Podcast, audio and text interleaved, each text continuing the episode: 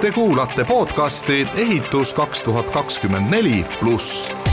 võtame luubi alla Eesti ehitusvaldkonna konkurentsivõime. kas oleme muutuvas maailmas sabassörkijad või teenäitajad, mille üle võime uhkust tunda ja kus on vaja rohkem tööd teha? võrdlusest naaberriikidega saame teada, millised on meie saavutused ja millest jääb vajaka. mina olen saatejuht Tanel Talve head Delfi kuulajad, tere tulemast äh, saatesarja, mis on pühendatud kahekümne üheksandal novembril Kultuurikatlas toimuvale suursündmusele. konverents ja auhinnagala Ehitus kaks tuhat kakskümmend neli pluss kannab sellist intrigeerivat pealkirja seekord Kas mängus või pingil kokku tulevad sinna ehitusettevõtjad, arhitektid, ehitusinsenerid ja tellijad, et pidada nõu ja teha otsuseid, mis määravad meie homse suuna kuidas paistavad konkurentsis Tallinn, Riia ja Vilnius? kas linna planeerimine Eestis vajaks selgemaid printsiipe? kuidas mängus püsida, kui mängu ei tellita? kas projekteerija jääb pingile konutama? kas kliimaseadus muudab mängureegleid ja milline on kõiges selles noorte roll? valdkonna tippude ettekannetest ja aruteluringidest selgub arvatavasti nii mõndagi üllatavat ja kuuleme ka, milliste lahenduste poole siis võiks liikuda. sündmuse kulminatsioon on auhinnagala, kus tunnustatakse aasta parimaid ehitusjuhte, uhkemaid projekte, säravamaid insenere, nupukamaid ideid ja tublimaid tellijaid. saame ka teada, kes on digiehituse tulevikutegija, aasta ehitusinsener, aasta noor ehitusinsener, aasta innovatsiooniprojekt, aasta ehitusprojekt ning äh, aasta ehitaja ja tark tellija. lisainformatsiooni leiab aadressil ehituskonverents.ee nüüd aga siis tänase saate juurde ja meil on stuudiosse tulnud taas kord äh, vahva inimene, kelle nimi on Andro Mänd ja tema on meil Eesti Arhitektide Liidu president, tervist! tere! No te olete eelmisel aastal, kui ma nüüd õigesti mäletan, taas ametisse valituna öelnud, et teie liidu tegevuse lähiaastate prioriteet on toetada ruumiloome institutsiooni loomist riigi tasandil, et tekiks selline järjepidevam koostöö ja sidusus erinevate valdkondade ja, ja organisatsioonide ning ma ei tea, valitsemistasandite vahel. Kuidas teil on läinud, nüüd on äh, natuke rohkem kui aasta sellest äh, sõnavõtust möödas, et äh, me sellest pika vaate ja pika plaani vajadusest oleme rääkinud juba ei tea kui kaua. ja no näed, siin me stuudios ilusti istume ja mulle tundub, et me peame taas pika vaate vajadusest rääkima. Sellest peab rääkima muidugi ja ega ma arvan, et see teema ei kao siit laualt äh, noh, ilmselt mitte kunagi. aga sinu poolt nüüd viidatud see noh, nüüd juba pooleteist aasta tagune kõne, äh, ma olen võib-olla niisugune nagu kergelt optimistlik või noh, äraootavalt optimistlik võib-olla nii, kuna ega sealsamas konverentsil ju tegelikult koos minuga teeb ettekande Piret Hartmann, kes praegu siis äh, ju ongi regionaalministri poolt äh, määratud sedasama maru vedama, äh, ütleme nii, et arengud on olnud üllatavalt kiired, et me oleme noh, arhi-, Eesti Arhitektide Liit on seda ruumiametit käinud ju, rääkinud ja tagunud juba pea kolmkümmend aastat. Tõsi äh,, alguses me hakkasime rääkima riigiarhitekti institutsioonist, nii nagu see on paljudes teistes riikides äh,, aga toona noh, seda oli väga lihtne stigmatiseerida ja toodi kohe poliitikute ja ka osade ametnike poolt toodi kohe Albert Speeri võrdlus ja noh, keegi ei hakanudki kunagi süvenema, et millest tegelikult räägitakse, mida on, on vaja. Äh, ja noh, eks ka mõtted nii-öelda arenevad eh, ja noh, praegu me enam riigiarhitektist kui sellisest ei räägi, sest noh, ilmselgelt Eesti ühiskonnas on allergia sellise nimetuse vastu, kuigi Rootsis selle nimi ongi riigiarhitekt huvitav, ma vahele siin küsin, et linnaarhitekt on ju kuidagi ametinimetusena vist ju olemas. jaa, on täitsa et, et miks see, miks see riigiarhitekt siis kuidagi niimoodi halvemini kõlab? ei oska öelda seda peab ilmselt semiootik. semiootikutelt küsima, et, et mis see põhi, põhjus seal on aga ütleme nii, et ikkagi tõesti, et noh, me oleme ma julgen väita, et Eesti Arhitektide Liidul on olnud üle, üle saja kohtumise kindlasti. Erinevate poliitikute, erinevate ametnikega ja lihtsalt nagu ka omavalitsustegelastega ja kolmanda sektoriga lihtsalt käinud ja rääkinud ja selgitanud, et noh, et mis on see hüve, mis sellest tuleb, ja noh, tegelikult noh, tegelikult hakkasid juba eelmise valitsuse ajal, tegelikult ka üle-eelmise valitsuse ajal hakkasid juba asjad liikuma, tegelikult ju Jaak Aab oli sellega seotud, siis äh, Riina Solman, kui ta oli minister, siis läksid asjad, hakkasid juba üsna kiiresti minema ja tundus, et noh, tegelikult jõutakse juba peaaegu tulemuseni, aga siis paraku tulid valimised vahele ja see asi juba enne valimisi natuke hakkas juba koost ära lagunema, sellepärast et fookused olid juba kõigil mujal. aga nüüd peale praeguseid valimisi, noh, kui koalitsioonilepe ju avalikuks sai, me kõik lugesime, siis see tundus ju noh, et, et lõpuks ometi, et kõik on nii, nagu me oleme rääkinud, et kuidas nagu normaalne toimiv ühiskond, riik ise, et kuidas see peaks olema, aga seal oli äh,, ma olen seda võrdlust ka varem toonud, et äh, sõnad lauses olid kõik õiged, aga sõnade järjekord oli vale, et äh, seal tehti üks väga suur äh, nagu äh, noh, kas just valearvestus või, või ma täpselt ei tea, mis seal juhtus, mind ei olnud koalitsiooni läbirääkimiste juures, aga kogu aeg oli, me olime rääkinud selles, et see killustatus riigis on probleem. et meil on äh, planeerimine on ühes ministeeriumis, ehitamine on teises ministeeriumis ja maa on kolmandas ministeeriumis, aga noh, kõik nad tegelikult on ju omavahel väga tihedalt seotud, et noh, et mõistlik on need asjad ühte ministeeriumisse kokku panna. ja eks siin käis niisugune kemplus, käis pikalt, et äh, kõik need eelnevad aastad, et äh,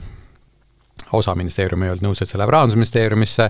sealt ei oldud nõus, et see läheb Majandusministeeriumisse ja kumbki ei olnud nõus, et see läheb äh, toonasesse Keskkonnaministeeriumisse, et käis niisugune majadevaheline võitlus, ütleme nii, et see, mida valitsus tegi nüüd peale neid nüüd lõppenud valimisi kevadel, mis olid, oli ütleme nii, et väga nutikas, et tõsteti nendest suurtest ministeeriumidest, rahandusest, majandusest, tõsteti kõik välja et, et enam ei ole nagu su-, niisugust kahte suurt hiiglast, kes omavahel nagu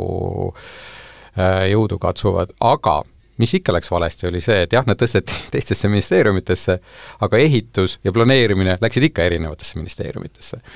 ja noh, tõesti sellest sai räägitud kohe, kui see leping välja tuli ja tõesti alguses oli ka lootust, et, et see, need ikkagi muudetakse ära, tõstetakse kokku, noh, paraku see lootus suri üsna kiiresti äh,, ma saan aru, et seal tekkisid vaidlused hoopis hoopis teistel teemadel, kõrvalistel teemadel, aga noh, nii läks. aga noh, see on täpselt niisugune nagu Ameerika mäed, et tõusude ja langustega, et mingi hetk tundub, et noh, et lõpuks me saame hakata nagu riiki nagu süsteemselt äh, planeerima ja üles ehitama äh, ja efektiivselt just nagu rahakasutuse mõttes ja kõige mõttes. Ja siis tuleb järgmine nädal ja sul tuleb mingi uudis, kus kõik see kaardimaja kukub jälle kokku, hakkad otsast peale, et, et ega siin on ka, see on tegelikult väga suur reform, mis riiki ees ootab. Ma arvan, et inimesed isegi ei saa võib-olla täpselt aru, et see tegelikult tähendab ikkagi väga paljude ametite kokkutõstmist, ümber profileerimist, et see on väga suur ettevõtmine ja kindlasti mm, noh, mina kindlasti pettun selles tulemuses, sellepärast et no nii pessimistlikult ei, ei, aga, aga selles mõttes, et ma olen realist, et äh, kuna see on kompromisside kompromiss, et sinna läheb nii palju erinevaid üksuseid, pannakse kokku, seal on nii palju erinevaid äh, huve, erinevaid vajadusi, eesmärke, et äh, noh, seal ei saa olla niimoodi, et ainult ühe nägemus on nagu siis see põhinägemus, et see lõpuks tulebki kokku selline noh, sõna ümmargune ma ei tahaks kasutada, et ta on niisugune ümmargune asi, et äh, aga mm, jah, kompromiss. et aga ma eeldan, et see kom-, ma loodan siiralt, et see kompromiss on see, mis tegelikult annab meile nüüd arenguhüppe. tõsi, ma olen väga mures teatud arengute pärast, mis seal on, ja noh, üks kõige suurem mure on tegelikult rahastus. et noh, me kõik teame, mis praegu riigieelarvega toimub ja kui midagi nii suurt äh, tehakse, siis noh, kõik, kes on eraettevõtluses ju olnud, need teavad täpselt, et, et selleks, et midagi mingit arenguhüpet, midagi saavutada, siis kõigepealt sa pead investeerima sinna. aga noh, praegu Eesti riik äh, pigem ütleb, et noh, et tõmmake kokku äh, ja siis selle raha eest siis nagu saate, et need ametid, mis seal praegu on kõik. aga noh, paraku kuna kõigil nendel osa, osadel, mis sinna kokku tõstetakse, on oma ma ei tea, oma digiplatvormid, oma mingid kõiksed süsteemid, kaardi rakendussüsteem, kõik need nende kas need kokku kõlavad täna kõik üldse, need erinevad tükid, ma mõtlen, mis digitaalselt jaa, osaliselt kõlavad, osaliselt ei kõla, aga noh, ongi, et juba ainuüksi selle kõige nagu uueks struktuuriks kokku kasvatamine, see, see on tegelikult meeletu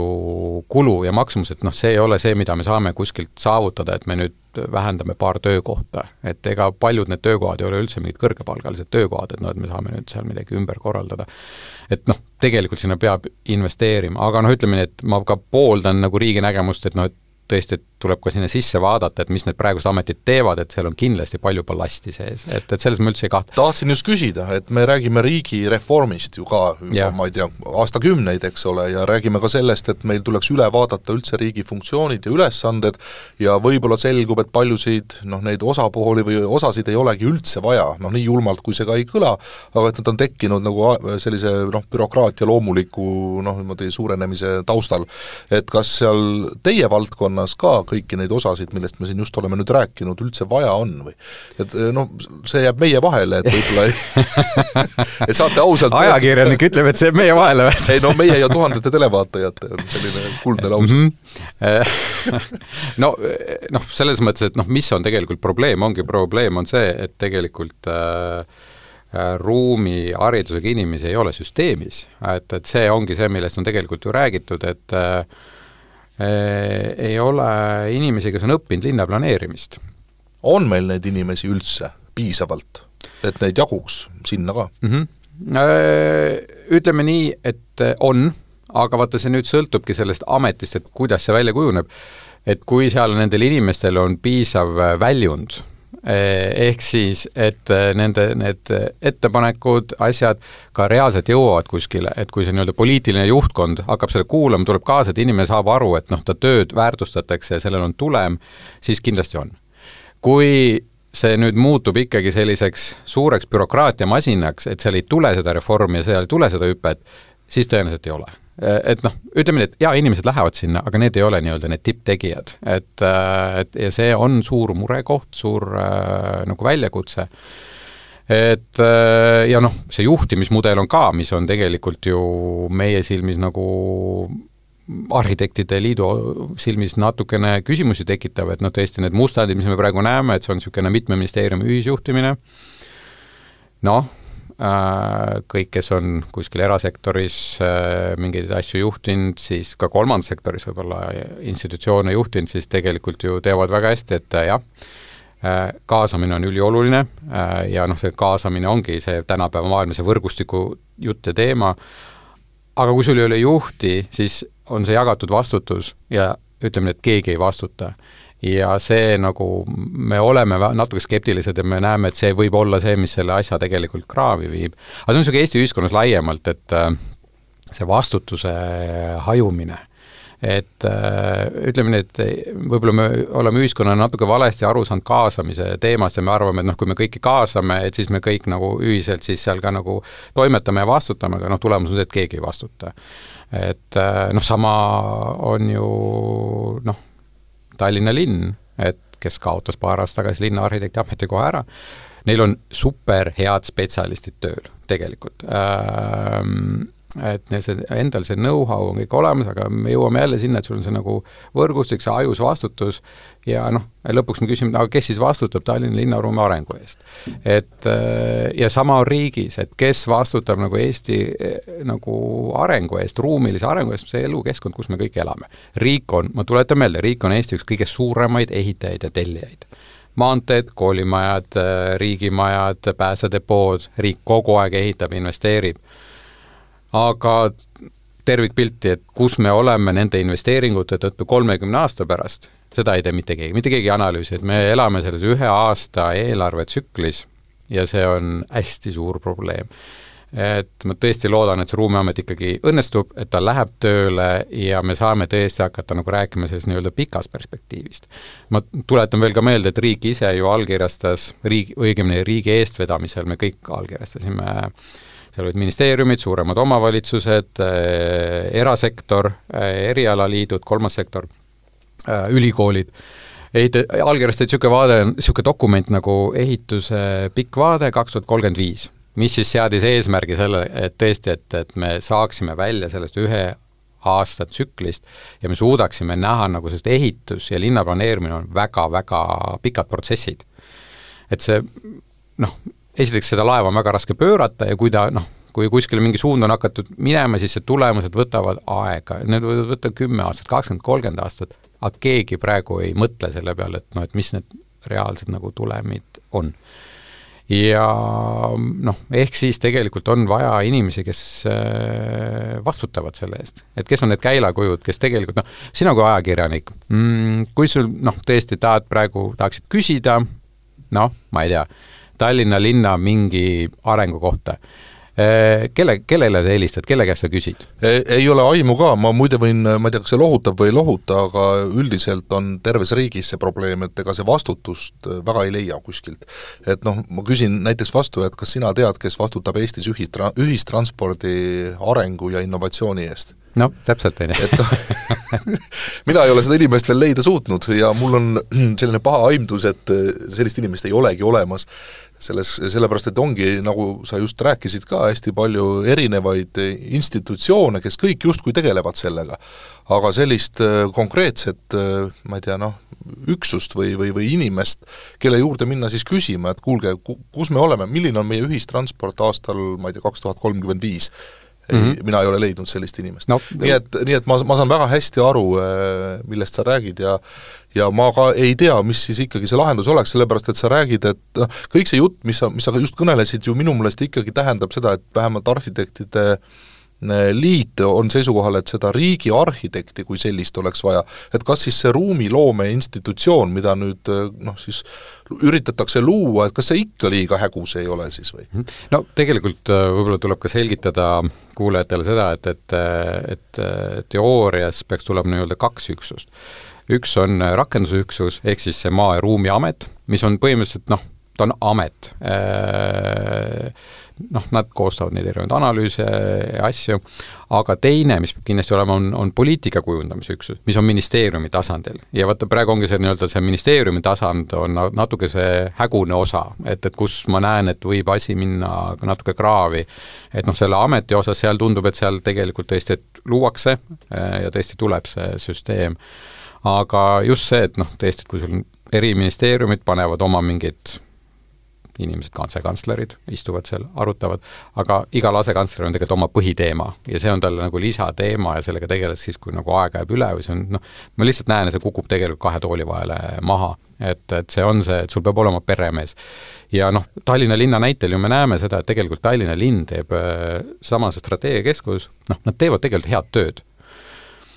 aga noh, see on samamoodi, et ta lihtsalt kukub sinna, see hea töö kukub nagu ära või et noh, sinna kahe tooli vahele, et ta ei, et ta ei, ei jõua nagu sinna päris üles tippu võib-olla sellisel kujul, et nagu linn ennast nagu,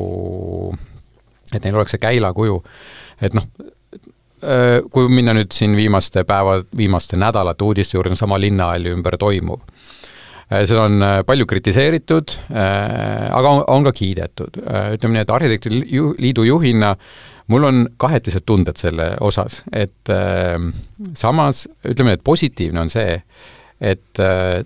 esimest korda ma tajusin, et Tallinn käitub natuke nagu Helsingi. et Helsingis linn ise äh, dikteerib, kuhu mida ehitatakse, kuidas ehitatakse, kui palju, mis seal peab olema.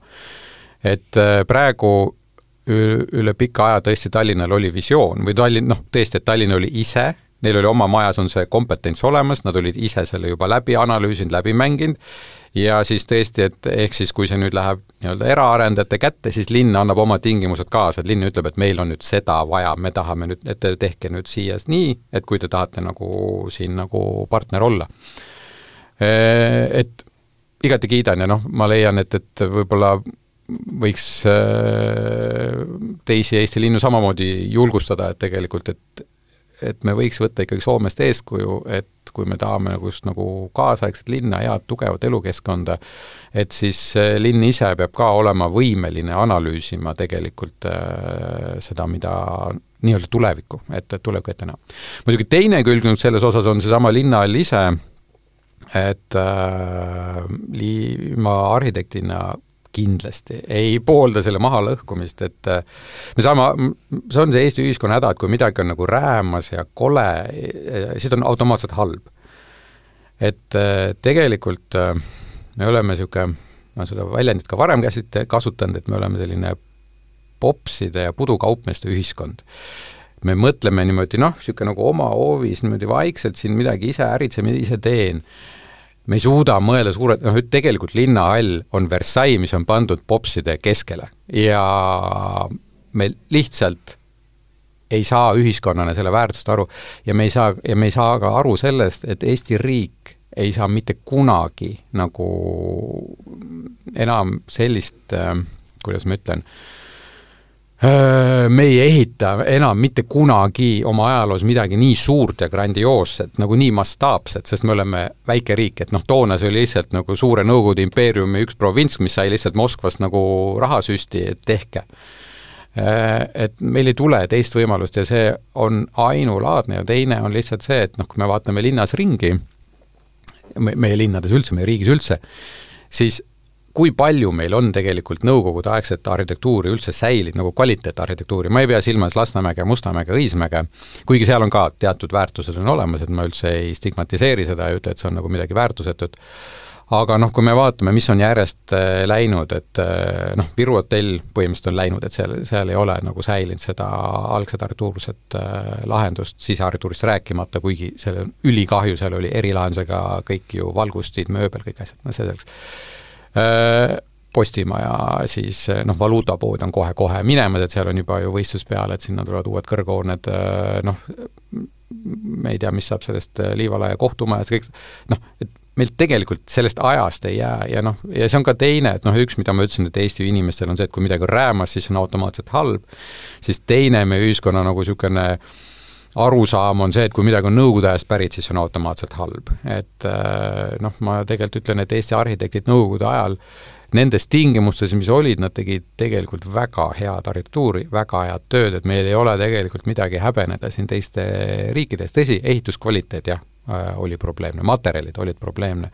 aga see arhitektuurne lahendus tihtipeale on väga tugev, noh, kõik need kolhoosikeskused, mida ju mööda Eestit tehti, need olid tegelikult väga hea arhitektuuriga asjad et noh, inimesed, kes automaatselt mõtlevad nõukaaegne, on halb, siis ma küsiks selle peale, et noh, et aga teie vanemad ju ka töötasid Nõukogude Liidus, et kas nad tegid siis sellepärast halba tööd või noh, ei teinud ju, inimesed ikkagi tegid ju oma tööd nii, nagu nad eh, noh, oskasid ikkagi parema nii-öelda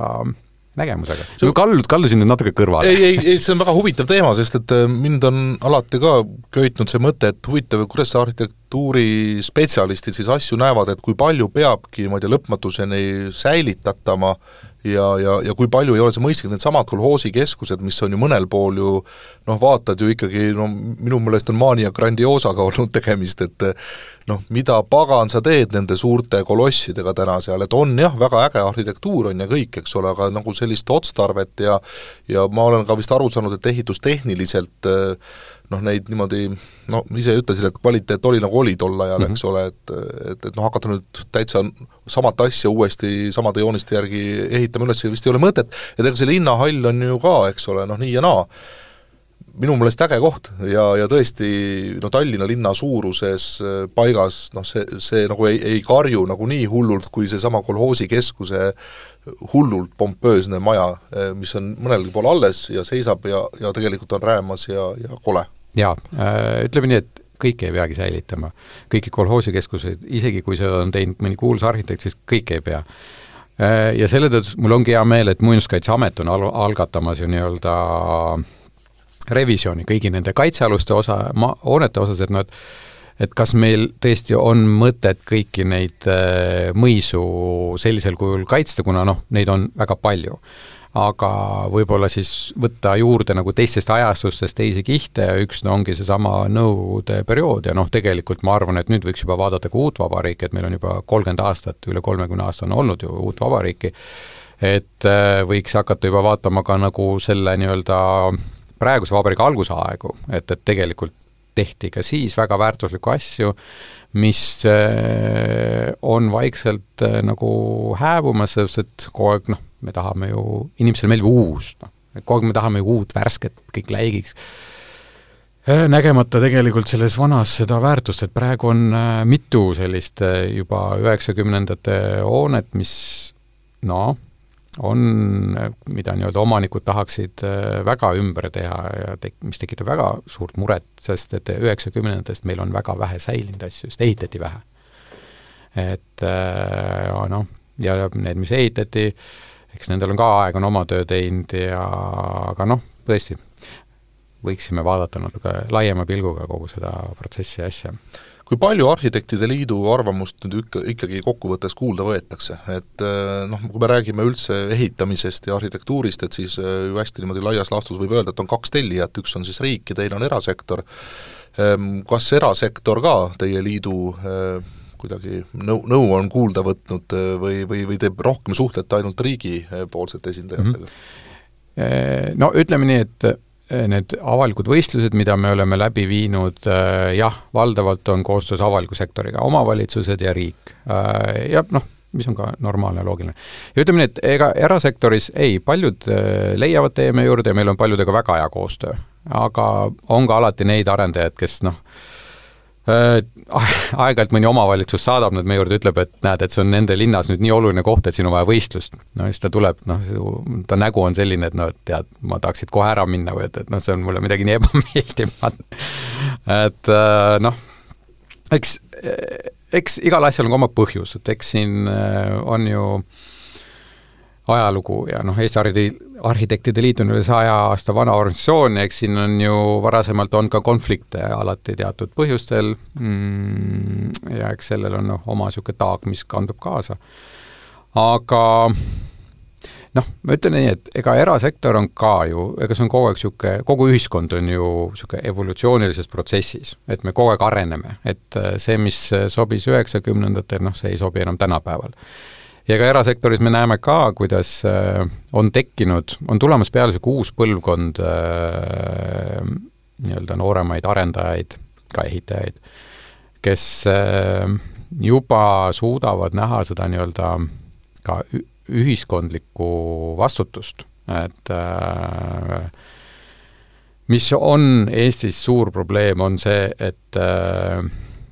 see sõna riigimees, on ju, või riigimehelikkus, et äh, miskipärast me kõik eeldame, et äh, poliitikud peavad olema riigimehelikud. aga keegi kunagi ei vaata peeglisse, et noh, tegelikult see arendaja peab ka olema riigimehelikult käituma. arhitekt peab ka riigimehelikult käituma, et ega ega ma ei süüdista ainult arendajaid, selles mõttes, et äh, paraku ma näen, et nii mõnedki arhitektid on ennast taandanud tegelikult kliendi teenindajaks ehk siis tegelikult täidab seda arendaja, seisab nii-öelda arendaja huvi eest, mitte ei lähtu ühiskondlikust huvist, mis tegelikult peaks olema iga arhitekti kohustus e eelisjärjekorras tegelikult ühiskonna huvidest lähtuda. Ja noh, eks me näemegi neid arusaamatuid arendusi, noh, seesama see kompleks, mis eestlastel on, see Westman Westmani huulitses, et noh, et, et minu maja peab olema see kõige kõrgem et see, see hakkab natukese vist ju ikkagi kuidagi muutuma, see, see suhtumine, no päris enam neid lollide ma-, maid me ju ikkagi vist no nii, nii hullus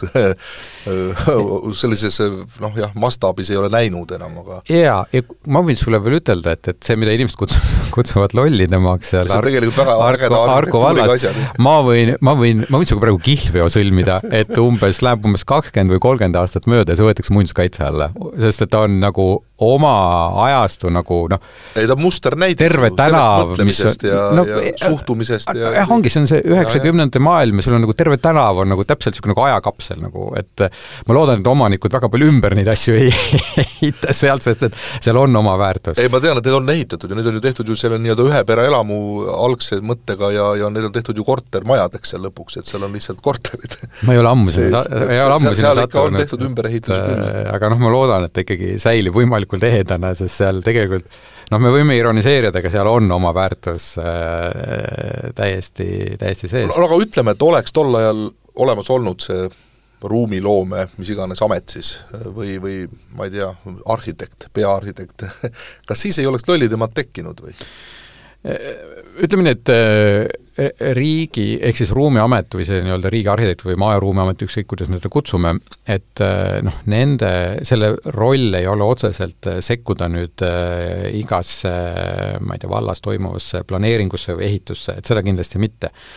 et pigem selle ameti roll on äh, nii-öelda tegeleda riigi suure pildiga. ehk siis äh, esiteks olla tugistruktuur väikestele omavalitsustele, sest me näeme ju tegelikult, et äh, väikestes omavalitsustes ei ole spetsialiste tööl, sest esiteks ei ole koormust pakkuda neile, ehitatakse, planeeritakse vähe, teiseks nad ei suuda Tallinnaga konkurentsivõimelist palka maksta ja noh, kolmas on ka see, et inimene, kes on juba Tallinnas käinud ülikoolis, ega ta väi-, nii, nii naljalt ei taha sinna maakohta enam äh, elama minna. aga, aga samas noh, me riigina peame pakkuma kvaliteetset elukeskkonda ka neile inimestele, kes seal elavad ja hetkel on tõesti niisugune olukord, et suured linnad saavad enam-vähem hakkama, aga need väiksed omavalitsused, noh, nad teevadki siis nii-öelda oma tarkusest ja tihtipeale ei ole need otsused võib-olla kõige läbimõeldumad või noh, seal puuduvad analüüsid, kõik see muu. ehk siis luua neile tugistruktuur, et need omavalitsused, et neil on koht, kuhu pöörduda riigi tasandil. ja noh, teine hästi oluline on see, et riigi enda investeeringud oleksid läbimõeldud, nagu ma enne ütlesin, riik on kõige suurem ehitaja.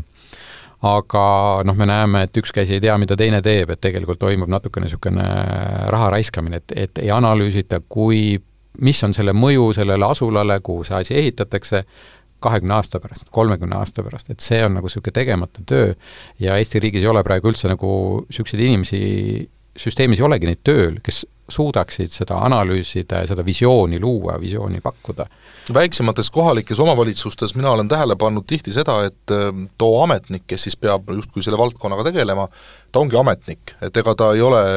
tõesti professionaalne selle ala inimene üldse, ja siis ta võtab hästi rangelt sealt oma mingite nii-öelda kuskilt tabelite järgi, et vot seda ei tohi teha, toda ei tohi, et kas ka, kas selline noh, tulevik, mis meil võiks olla, on, on, on siis säherdune, et, et saaks teha ägedaid asju ka, ütleme, väiksematesse kohtadesse, et ei ole ainult nii, et vot siin peab olema ainult vot see viilkatusega nurk, selline kogu lugu, selline maja. et noh, kuhu see loovus siis jääb ja võib-olla seesama Speeri näide, mis alguses kohe tõid, eks ole, et võib-olla sellepärast ei tahetagi, et siis hakkab kole ühte, ühe inimese nägu kogu maailm muutuma ju et, et äkki ongi vaja seda erinevaid mõtteid jaa, ma kohe-kohe sekkun, et selles mõttes, et see Maa- ja Ruumiamet ise ei hakka projekteerima mitte ühtegi hoonet. Äh, seda kindlasti mitte, et seda, see jääb ikkagi erasektorile. aga ta seab ju mingid äh, tingimused, mingisugused põhjad, mingisugused ta seab no, selles, jaa, ta seab ruumiloomena mm. -hmm. ehk siis ta seab tegelikult tingimused sellele, et kuhu see hoone seal linnastruktuuris tuleb, et meil on siin korduvalt näiteid, kus riik ehitab tegelikult kuskile linna serva midagi, samas see kesklinn, ajalooline kesklinn nagu noh, sureb välja, et seal kõik ärid lahkuvad, noh seal, kui sa ei vii sinna nagu neid funktsioone, noh siis lõpuks lähebki sul see kuskile põllu peale nendesse plekkkuutidesse see elu ära, aga meie kesklinnad on täis muinsuskaitsealuseid maju ühiskonnana me peame neid ju üleval hoidma, aga kui sealt elu ära läheb, siis see muutub ühiskonnale järjest nagu kallimaks, see, see koorem, mida on vaja kanda. ehk siis jah, et see, et nad tegelevad pigem nagu selle suure pildi analüüsi ja mõtestamisega, mitte projekteerimisega, et seda, seda kindlasti ei, ei tule, et et Eesti erasektor on suuteline seda ise pakkuma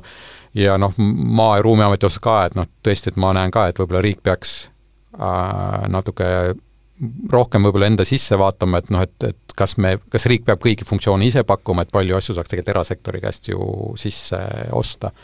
et äh, tõesti noh, neid analüüse praegu ju tehakse riigi poolt sellesama Ruumiameti loomisega või MaRu loomisega,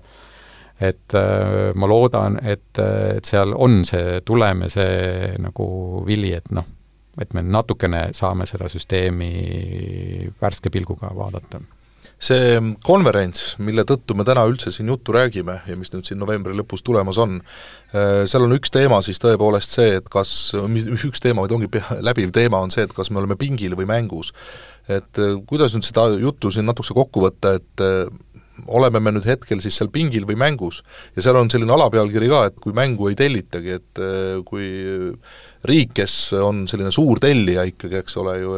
ütleb ühel aastal, et me ei tee mitte midagi nüüd, ma ei tea mm, -hmm. sel järgmisel ega ka ülejärgmisel aastal, ja siis hakkab jälle hullult nagu investeerima sinna, et noh, selline väga suur volatiilsus sellises maailmas, noh ma ei kujuta ette, kuidas saab pikki plaane teha, kolmkümmend aastat linna planeerida. jaa, ja kui nüüd praegu juhtub mõni poliitik meid kuulama koalitsioonist, siis ma tuletan meelde ühte asja. seesama ehituse pikavaate dokument, mida ma siin enne mainisin, seda, seda on maininud kõik meie seal on seitse, seitse punkti, no ja, ja üks nendest punktidest on see, et avalik sektor äh, nii-öelda ehitab äh,, projekteerib ja ehitab kontratsükliliselt. just. Äh, ehk siis, kui meil on äh, kriis, siis avalik sektor ehitab ja projekteerib ja kui on nii-öelda buum, et siis avalik sektor tõmbab ennast välja noh, seda, ma, ma saan aru tegelikult, seda ongi väga raske planeerida, sellepärast et me keegi ei suuda nagu väga täpselt ette näha, et millal nüüd see kriis meid äh, tabab. aga ütleme nii, et äh, kõik need äh, praeguse eelarve, riigieelarve ümber toimuv, et see paneb nagu kulmuma ja kergitama küll, et noh, et alles kaks aastat tagasi, see oli kusjuures riigi eest veetud dokument, see ei olnud mingi, kui keegi väljaspoolt surus seda peale, ministeerium ise, Majandusministeerium ise tegi selle dokumendi. Ja noh, praegu me näeme, kuidas noh, kõik asjad on ju ootele pandud või ära tühistatud ja noh, ega väga ei ehitata ja selle, ja mul on väga hea meel selle üle, mis sai väga palju kriitikat kusjuures, on see uus keskkonnamaja ehitamine, mida ju tümitati, et, et mis mõttes, et nüüd riik paneb sinna raha siis minu meelest see on ainuõige otsus, et esiteks see on väga kallis hoone aga praegu on see hetk, millal nagu ehitamine, noh, selles mõttes, et ega ehitamine noh, võib-olla ta natuke läheb veel odavamaks, aga mitte enam palju, et selles suhtes ma arvan, et on väga õige ajastus sellele. Ja see annab tööd ka ju Eesti puidutööstusele, et selles mõttes puittoone, see valdavalt tuleb ju Eesti tööstusest, et äh, ma arvan, et see oli väga õige samm ja selles mõttes ma tõesti kiidan valitsust selle otsuse eest, aga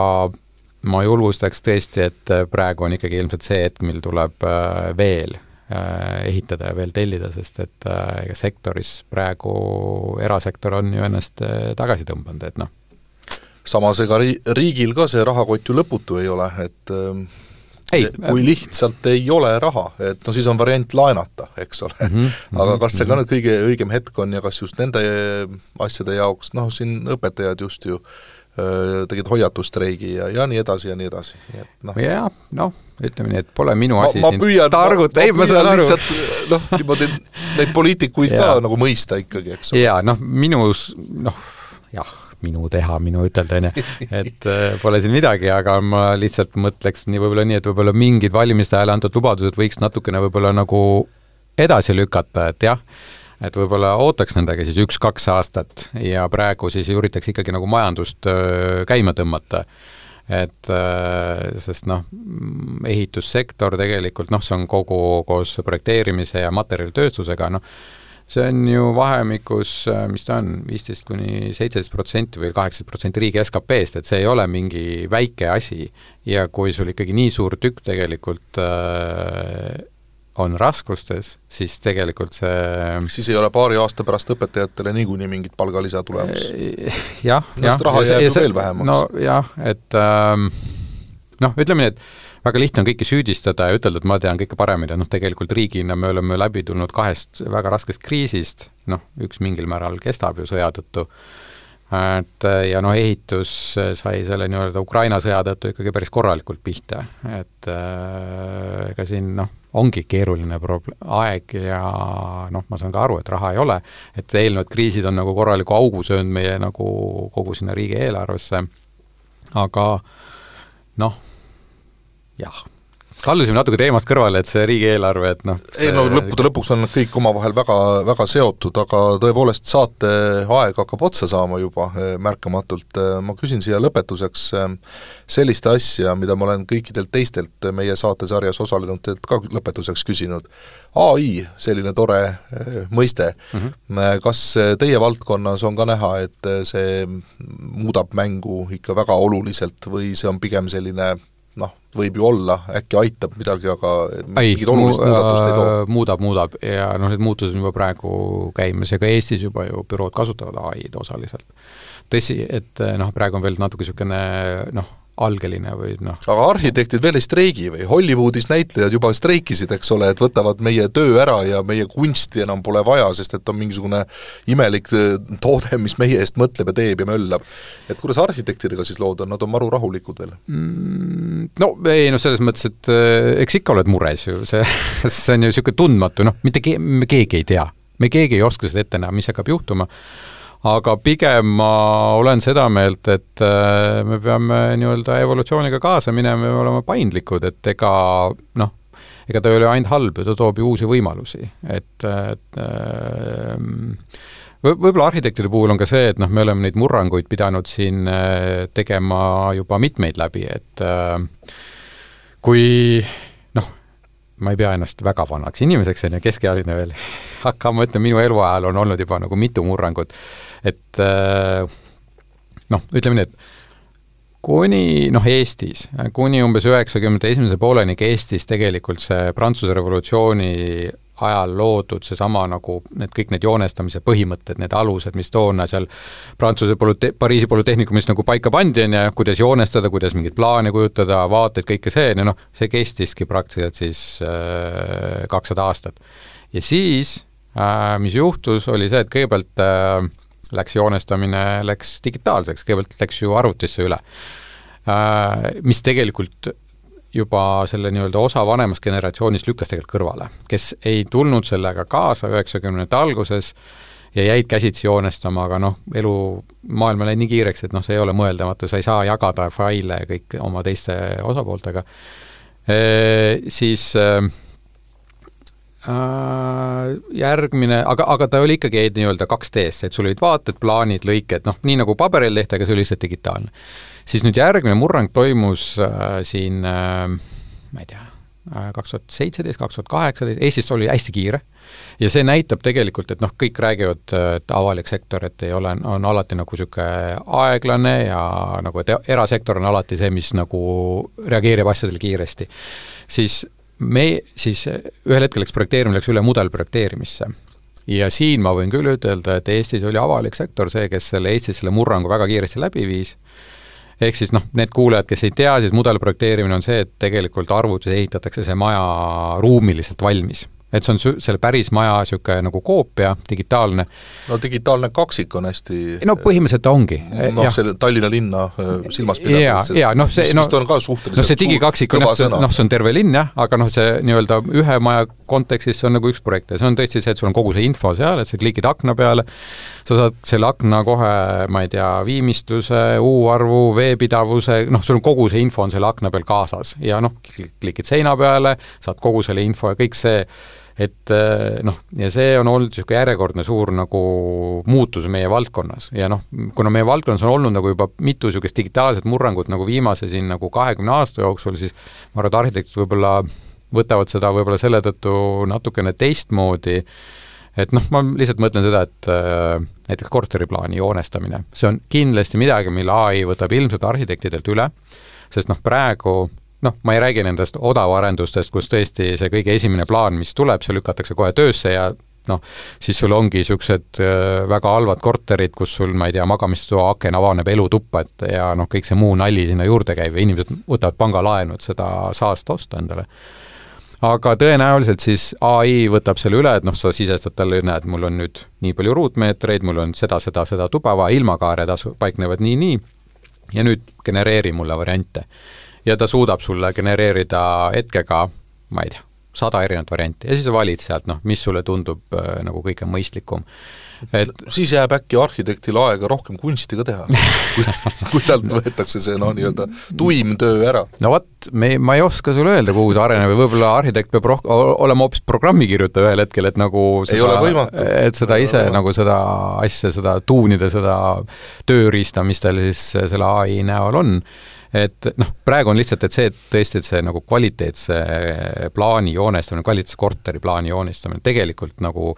head bürood tegelikult teevad seda, see võtab aega, et tehakse ja tehakse ja proovitakse, katsetatakse, katsetatakse, et, et saada see nagu kõige parem lahendus. et, et noh, seal see toob kindlasti muutuse, aga noh, me see, see areng on olnud nii kiire, et see on tegelikult noh, see ei ole mitte ainult Eestis siin olnud suur üllatus, vaid noh, see on tegelikult kogu maailmas, et noh, Eesti Arhitektliit on Euroopa Arhitektliitude Liidu ühendus ja seal noh, oli eelmine aasta oli suur konverents, kus kõik olid niimoodi, et noh, kõik need maailma tipparendajad ja arhitektid ja kõik nad rääkisid, et noh, et, et keegi ei oleks uskunud, et ta nüüd viimase paari aastaga nii suure arenguhüppe teeb ja ilmselt see areng äh, jätkub sama kiiresti. Viimane küsimus, mis on olnud Eesti viimase, ma ei tea, viie aasta jooksul selline ehitis, mis on tõeline maamärk ja mida võib tuua eeskujuks tervele maailmale? viimase viie aasta jooksul no lähi nojah, no selles mõttes, et äh, ma tegelikult arvan, et äh, see ilmselt on ERM. et see on ikkagi noh, kuna ta on nii noh, ta on natuke niisugune linnahalli tüüp, et ta on, ta on lihtsalt nii suur, ta on noh, meie ühiskonna jaoks ta on noh, kolossaalne, ta on hiiglane tegelikult. ja see on tegelikult üks väheseid Eesti hooneid, mis on saanud ka ju äh, nii-öelda rahvusvahelise arhitektuuripreemiaid ja ta on saanud ikkagi tähelepanu et jah, eks seal alati võib ju viriseda, alati võib nagu kritiseerida ja ma ise olen kri-, ka kriitiline selle nii-öelda asukoha osas, et äh, noh, ma no sa... nüüd tahetakse ju veel teha kesklinna veel üks muuseum no ta vist ei ole uus, et selles mõttes, et noh, kunstimuuseum on ju Tartus ka praegu, et et selles suhtes lihtsalt äh, nii-öelda kaasaegsemad äh, ruumid neile. aga noh, jah, viimase ma arvan, et ERM jah, ilmselt oleks see võib-olla, mis on nagu niisugune nagu rahvusvaheliselt niisugune suur või eriline. aga ma pean ütlema tegelikult, et ega Eesti arhitektuuri tase on tegelikult hea, et ega siin ei ole midagi häbeneda, et just eelmine nädal oli, oli Paua Kaunases, Paua on siis äh, Baltikumi äh, Äh, arhitektuuriülikoolide parimate magistritööde võistlus tegelikult, kus siis on noh, Eestist on seal küll kaks kooli, aga noh, Lätist on ka kaks, aga Leedus on koole vist on neli, kui ma ei eksi. et noh, natuke suurem riik ja teist aastat järjest äh, Kunstiakadeemia magistrant tuli sealt peapreemiaga ja, ja anti välja ka kaks nii-öelda siis ma ei tea, ergutuspreemiat ja ka seal üks nendest kuulus siis Kunstiakadeemia lõpetajale, et seega nagu kogu Baltikumi kolmest preemiast kaks ja nendest sealhulgas peapreemia tuli Eestisse ja see juht, ja eelmine aasta oli tegelikult täpselt samamoodi. ja noh, ega me näeme ju ka, et ega noh, Mm, paljud Eesti Arturi üliõpilased ju lähevad, äh, Viinis on niisugune kool nagu Angevante, mis on maailma üks tippülikoole, kus on tõesti maailmakuulsad professorid. noh, Zaha Hadid õpetas ka seal, keda tavainimesed tavaliselt teavad, aga seal on teisi staare ka, seal on iga paari aasta tagant mõni eestlane satub sinna, äh, Eesti arhitekt. Äh, ja sinna võetakse umbes kakskümmend inimest aastas, et see ei ole mingi niisugune suur mammutkool, et, et see näitab tegelikult, meie tase on hea, pigem on lihtsalt see, et noh, meie riigieelarve, noh, ma ei, ma ei pea silmas riigieelarvet, aga ma mõtlen nii-öelda see raha, mida Eesti ühiskonnal kasutada on, et noh, see ei ole võrreldav Poola või Saksamaaga ja selle tõttu noh, need asjad ongi pigem niisugused äh, väikeses skaalas, mida, mida meil tehakse, et noh, ma ei tea, minge vaadake seda Rakvere tööõpetusmaja, koolide tööõpetusmaja, mis valmis noh, ta on väga väike, aga väga hea niisugune Artuuri näide, noh, väga kvaliteetne no kindel on see, et äh, tõesti ägedaid asju on tehtud ja tehakse loodetavasti veel, äh, jääme siis lootma, et ka riiklik poliitika äh, kuidagi muutub selliseks pikaajalisemalt vaatavaks ja mitte ainult sõnades, vaid ka tegudes. ja et see ruumiloome teema siis meil tõesti ka saab päriselt valmis ja olema ja teie tööd ka lihtsamaks tegema. aga suur tänu, ähm, Andro Mänd, Eesti Arhitektide Liidu president, oli täna saates, tuletame siis kõikidele veel meelde, et kahekümne üheksandal novembril Kultuurikatlas toimub äh, konverents ja auhinnagala ehitus kaks tuhat kakskümmend neli pluss, kus äh, ka tänase saate jututeemad kindlasti äh, täpsemalt arutelu alla tulevad Äh, vaadake ehituskonverents.ee lehele, äh, saate rohkem informatsiooni. Äh, saatejuht Tanel Talve tänab teid kuulamast ja järgmiste kohtumisteni! Nägemist ja ma ennem lõppu veel kiiresti ütlen, et kui siin oli selle maru osas, eks maru osas võib-olla mingit kriitikat, siis ma tegelikult kiidan kogu seda nii-öelda riigisektorit, kes praegu käib koos ja seda üles ehitab, et ütleme nii, et väga palju tööd on tehtud ja ma usun, et eks sellest ikkagi mingi arenguhüpe kindlasti tuleb. väga hea ja nüüd tõepoolest kõike kaunist! ehitus kaks tuhat kakskümmend neli pluss